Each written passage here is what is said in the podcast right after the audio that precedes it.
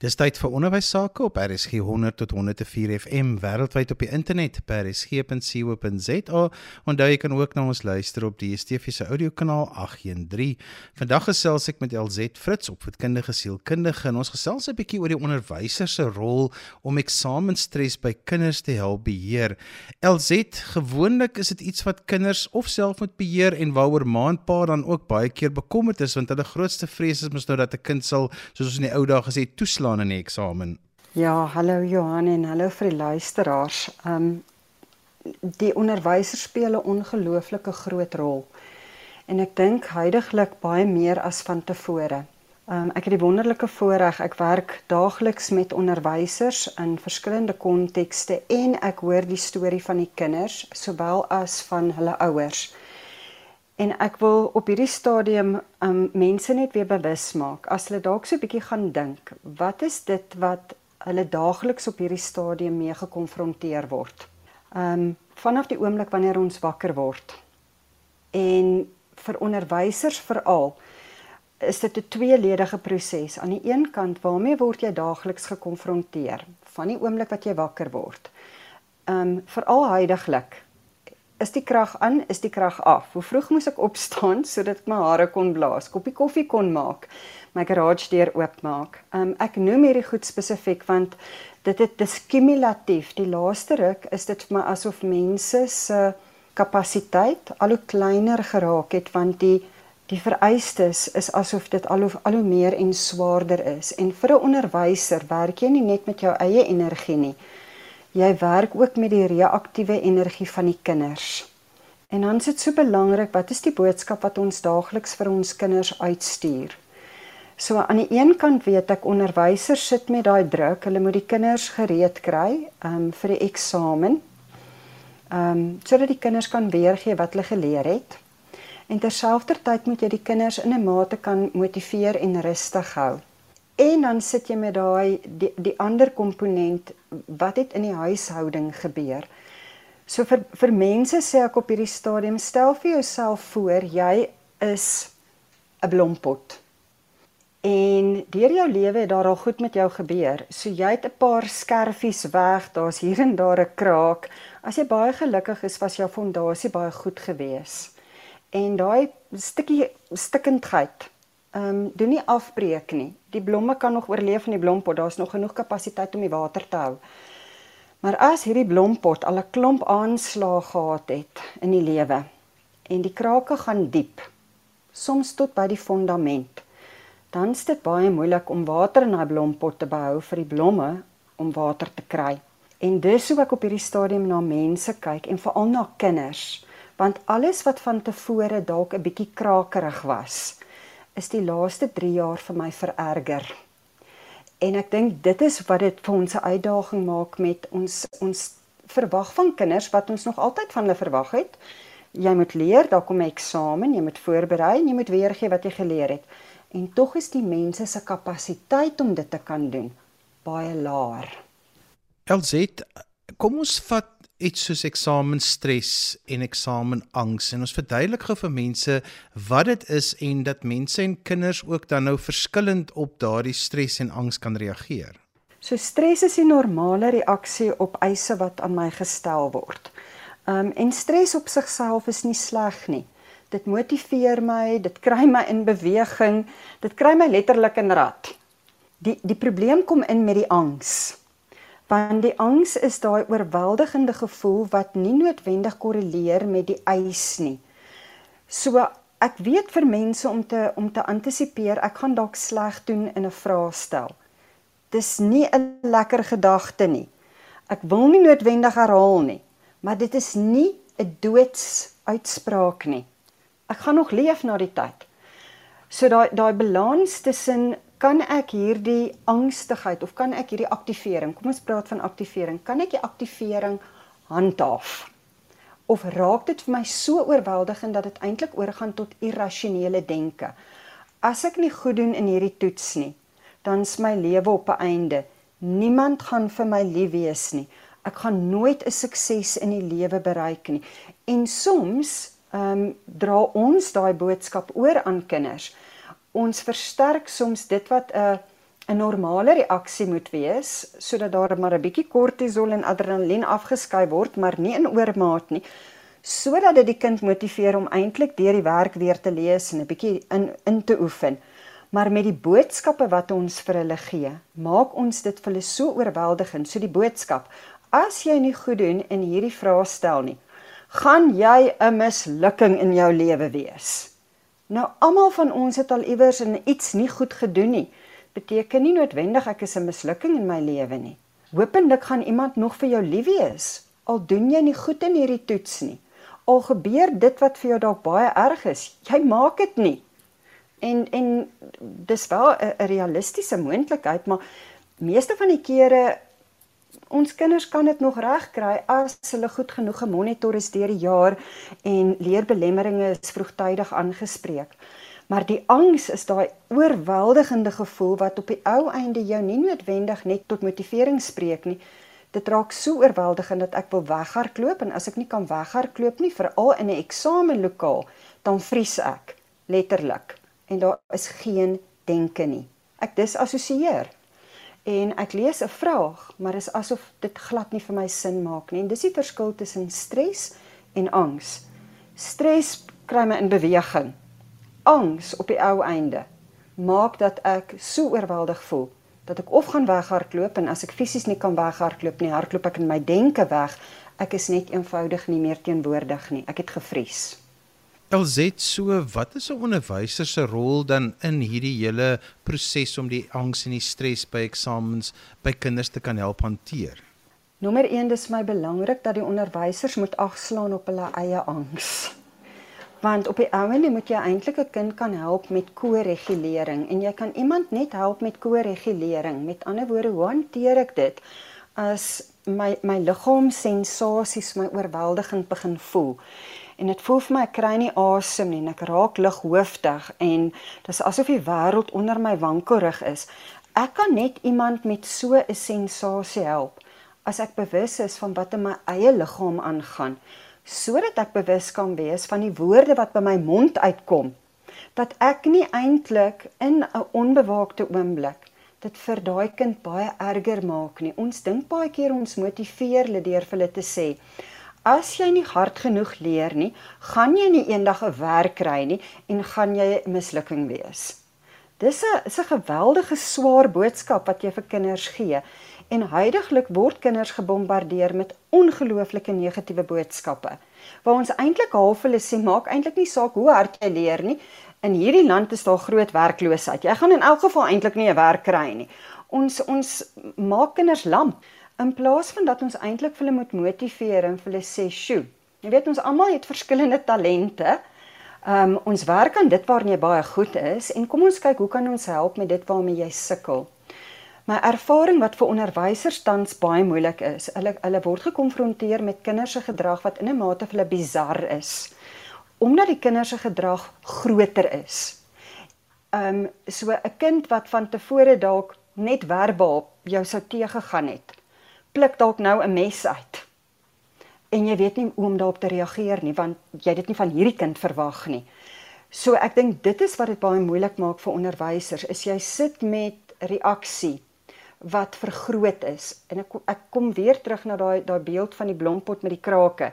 Die krake is dieper en die skerwe is skerper. En die onderwysers ervaar ek voel magteloos want hulle weet nie hoe om dit te hanteer nie. So dat ek herhaal weer. Dit begin by myself. Hoe kan ek myself net tot rustigheid stem sodat ek met 'n kind kan praat met 'n rustige stemtoon?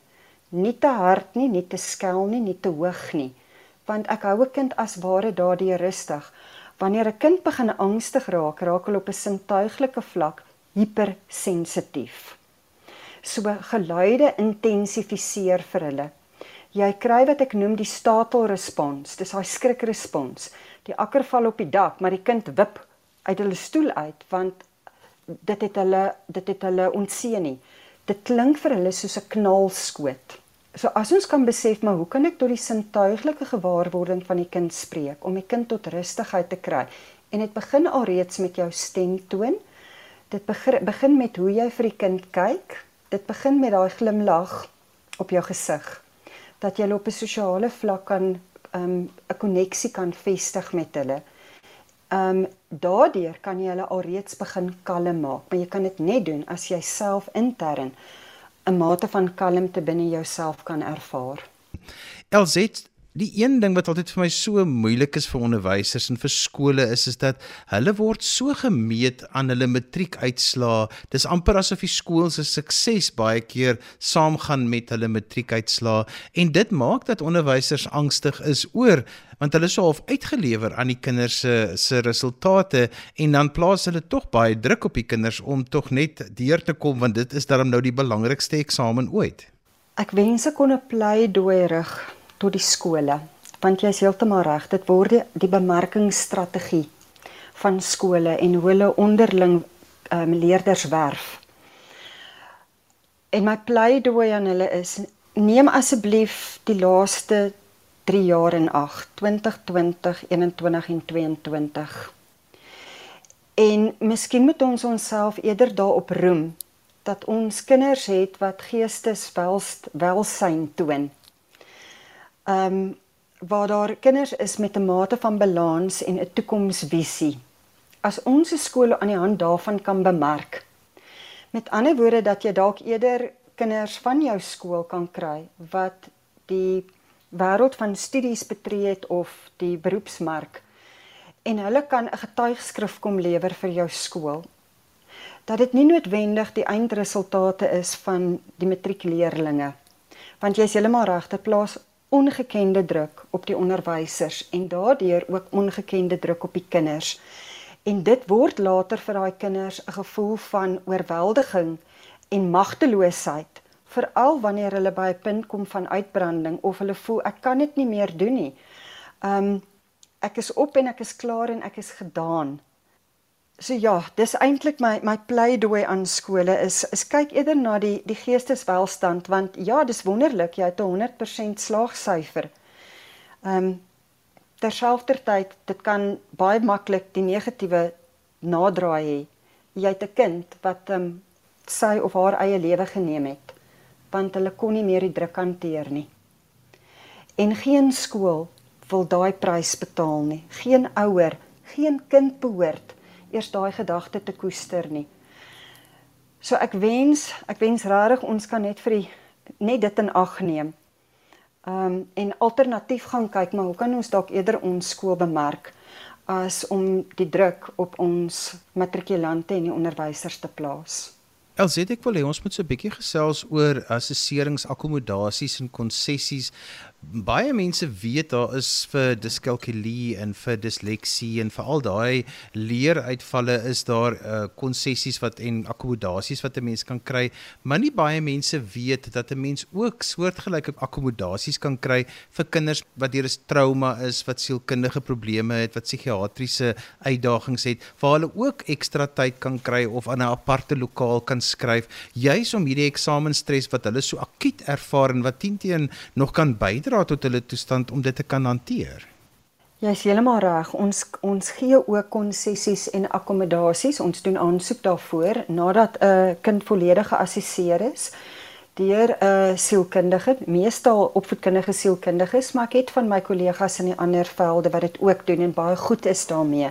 Dit hang af van jou belangstelling en spesialiseringsveld.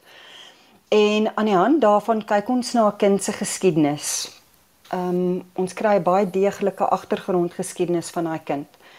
Ehm um, soms alreeds voor geboorte, geboorte, na geboorte. Jy kyk perseptueel, skolasties, emosioneel, sosiaal, neurologies, perseptueel, sintuiglik, ehm um, sensories. So jy kyk na al die verskillende domeine van ontwikkeling.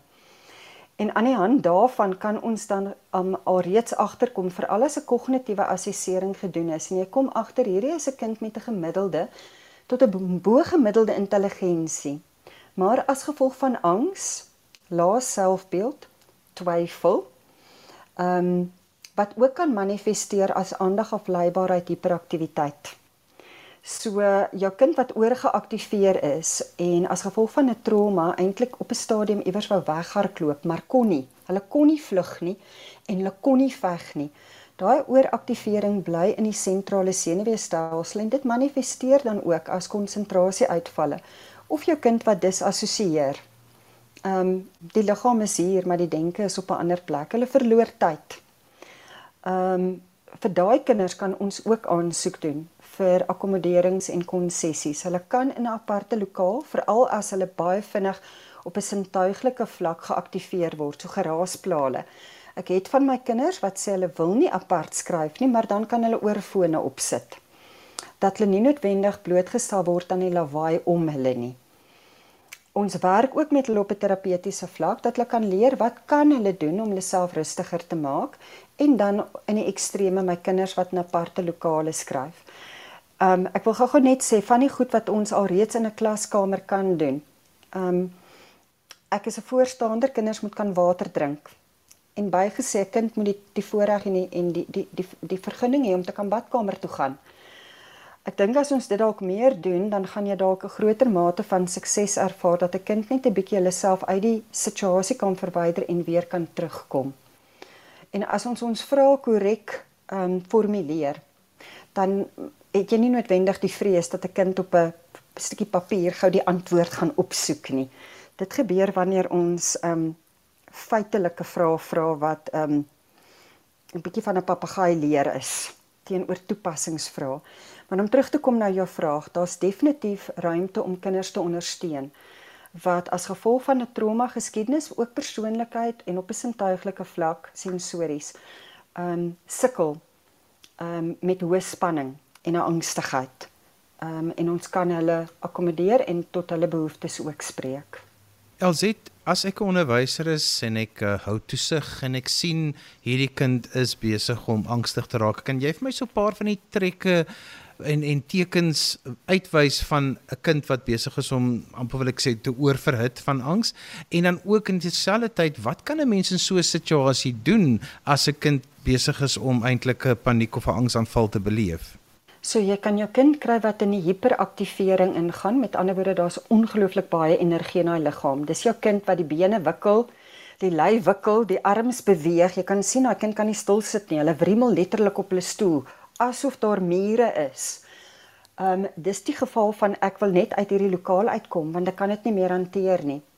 In so 'n geval dink ek dis regtig voordelig. Jy sê vir 'n kind, ehm um, jy sê jy's welkom gaan gou badkamer toe. Ehm um, as jy dalk waterkraggies het buitekant die lokaal, laat die kind uitgaan, dat die kind net 'n bietjie water drink. Hulle hoef nie eers noodwendig badkamer toe te gaan nie. Dat hulle dalk net 'n bietjie kan strek, dat hulle 'n bietjie van die spanning in die liggaam kan ontslaa raak borskas oopmaak, dieper kan asemhaal. Dan kan hulle dalk jou waarskynlik weer teruggaan in die lokaal in. Dan kry jy jou kind vir wie dit so oorweldigend voel en waar hulle al in vorige traumas geleer het, hulle kan nie weghardloop nie, hulle kan nie vlug nie. So hulle disassosieer. Die liggaam is daar, maar daar's geen beweging nie. Die kind staar in die niet in 1 minuut gaan verby, 5 minute gaan verby, 10 minute gaan verby. Daai kind sit nie 'n pen op papier nie. Daai kind knip nie 'n oog nie, daai kind staar in die verte in. Daai kind met ander woorde is klaar wat ons praat van daar's nie 'n aktivering daar nie, daar's nie energie nie. So na daai kind toe gaan jy en ehm um, as jy gemaklik is met daai kind, kan jy vir die kind vra kan ek kan ek net my hand op jou skouer sit. Kyk na my. Kyk of die kind met jou oogkontak kan maak, dat jy die kind weer kan terugkry in die hier en die nou. Vir daai kind kan jy ook vra, wil jy gou-gou buitekant toe gaan? Dat daar net 'n bietjie beweging in die liggaam kan kom, dat hulle net weer embodied kan wees binne in hulle liggaam. Um, vir baie van ons kinders kan ons vra, um, wat het jy nou nodig? Het jy nodig om net 'n bietjie dieper asem te haal? Het jy 'n ysblokkie nodig? Ek is 'n voorstander, jy behoort ys op buitekant hê want wat die ys doen, is dit kalmeer letterlik jou kind wat in ooraktivering is. Dit koel af. Chill. Ehm um, ons sê altyd, wat 'n chill pill gaan koel af. So dit werk vir daai kind. En vir jou kind wat daar geen aktivering is nie, daar's niks. Daai bietjie beweging. So selfs al kan die kind nie uitgaan nie om net vir die kind te sê, "Oké, okay, strek net bietjie jou arms." rol jou skouers bietjie vorentoe en agtertoe. Ehm um, dat jy daai beweging in die liggaam net weer kan terugbring. En natuurlik die feit dat jy oogkontak maak en en glimlag. Nie kwaai vir die kind kyk nie, nie krities nie. Jy wil letterlik net hê die kind moet weer veilig in hierdie oomblik wees. want dan kan hulle baie keer weer aangaan. LZ, ons moet klaarmaak. So sê vir ons so ter opsomming as dit kom by eksamenstres, eksamenangs, wat is die rol van die onderwyser vir ons groet en ook sommer as mense met jou verder wil gesels, uh, hoe kan hulle met jou kontak maak? Hou die krakies liggies vas. Don't rock the boat met ander woorde. Um my e-posadres is elzettetee f r i t z 1@gmail.com. En so gesels LZ Fritz, ons het vandag gesels oor eksamenstres, eksamenangs, wat is die rol van die onderwyser in die skool om kinders te help om dit te hanteer. Onthou jy kan weer na vandag se program luister as 'n potgooi as jy sopas ingeskakel het, laai dit af by berries.co.za. Skryf gerus vir my 'n e-pos by Johanvanlull@gmail.com. Dan groet ek dan vir vandag tot volgende week van my Johan van Lill. Totsiens.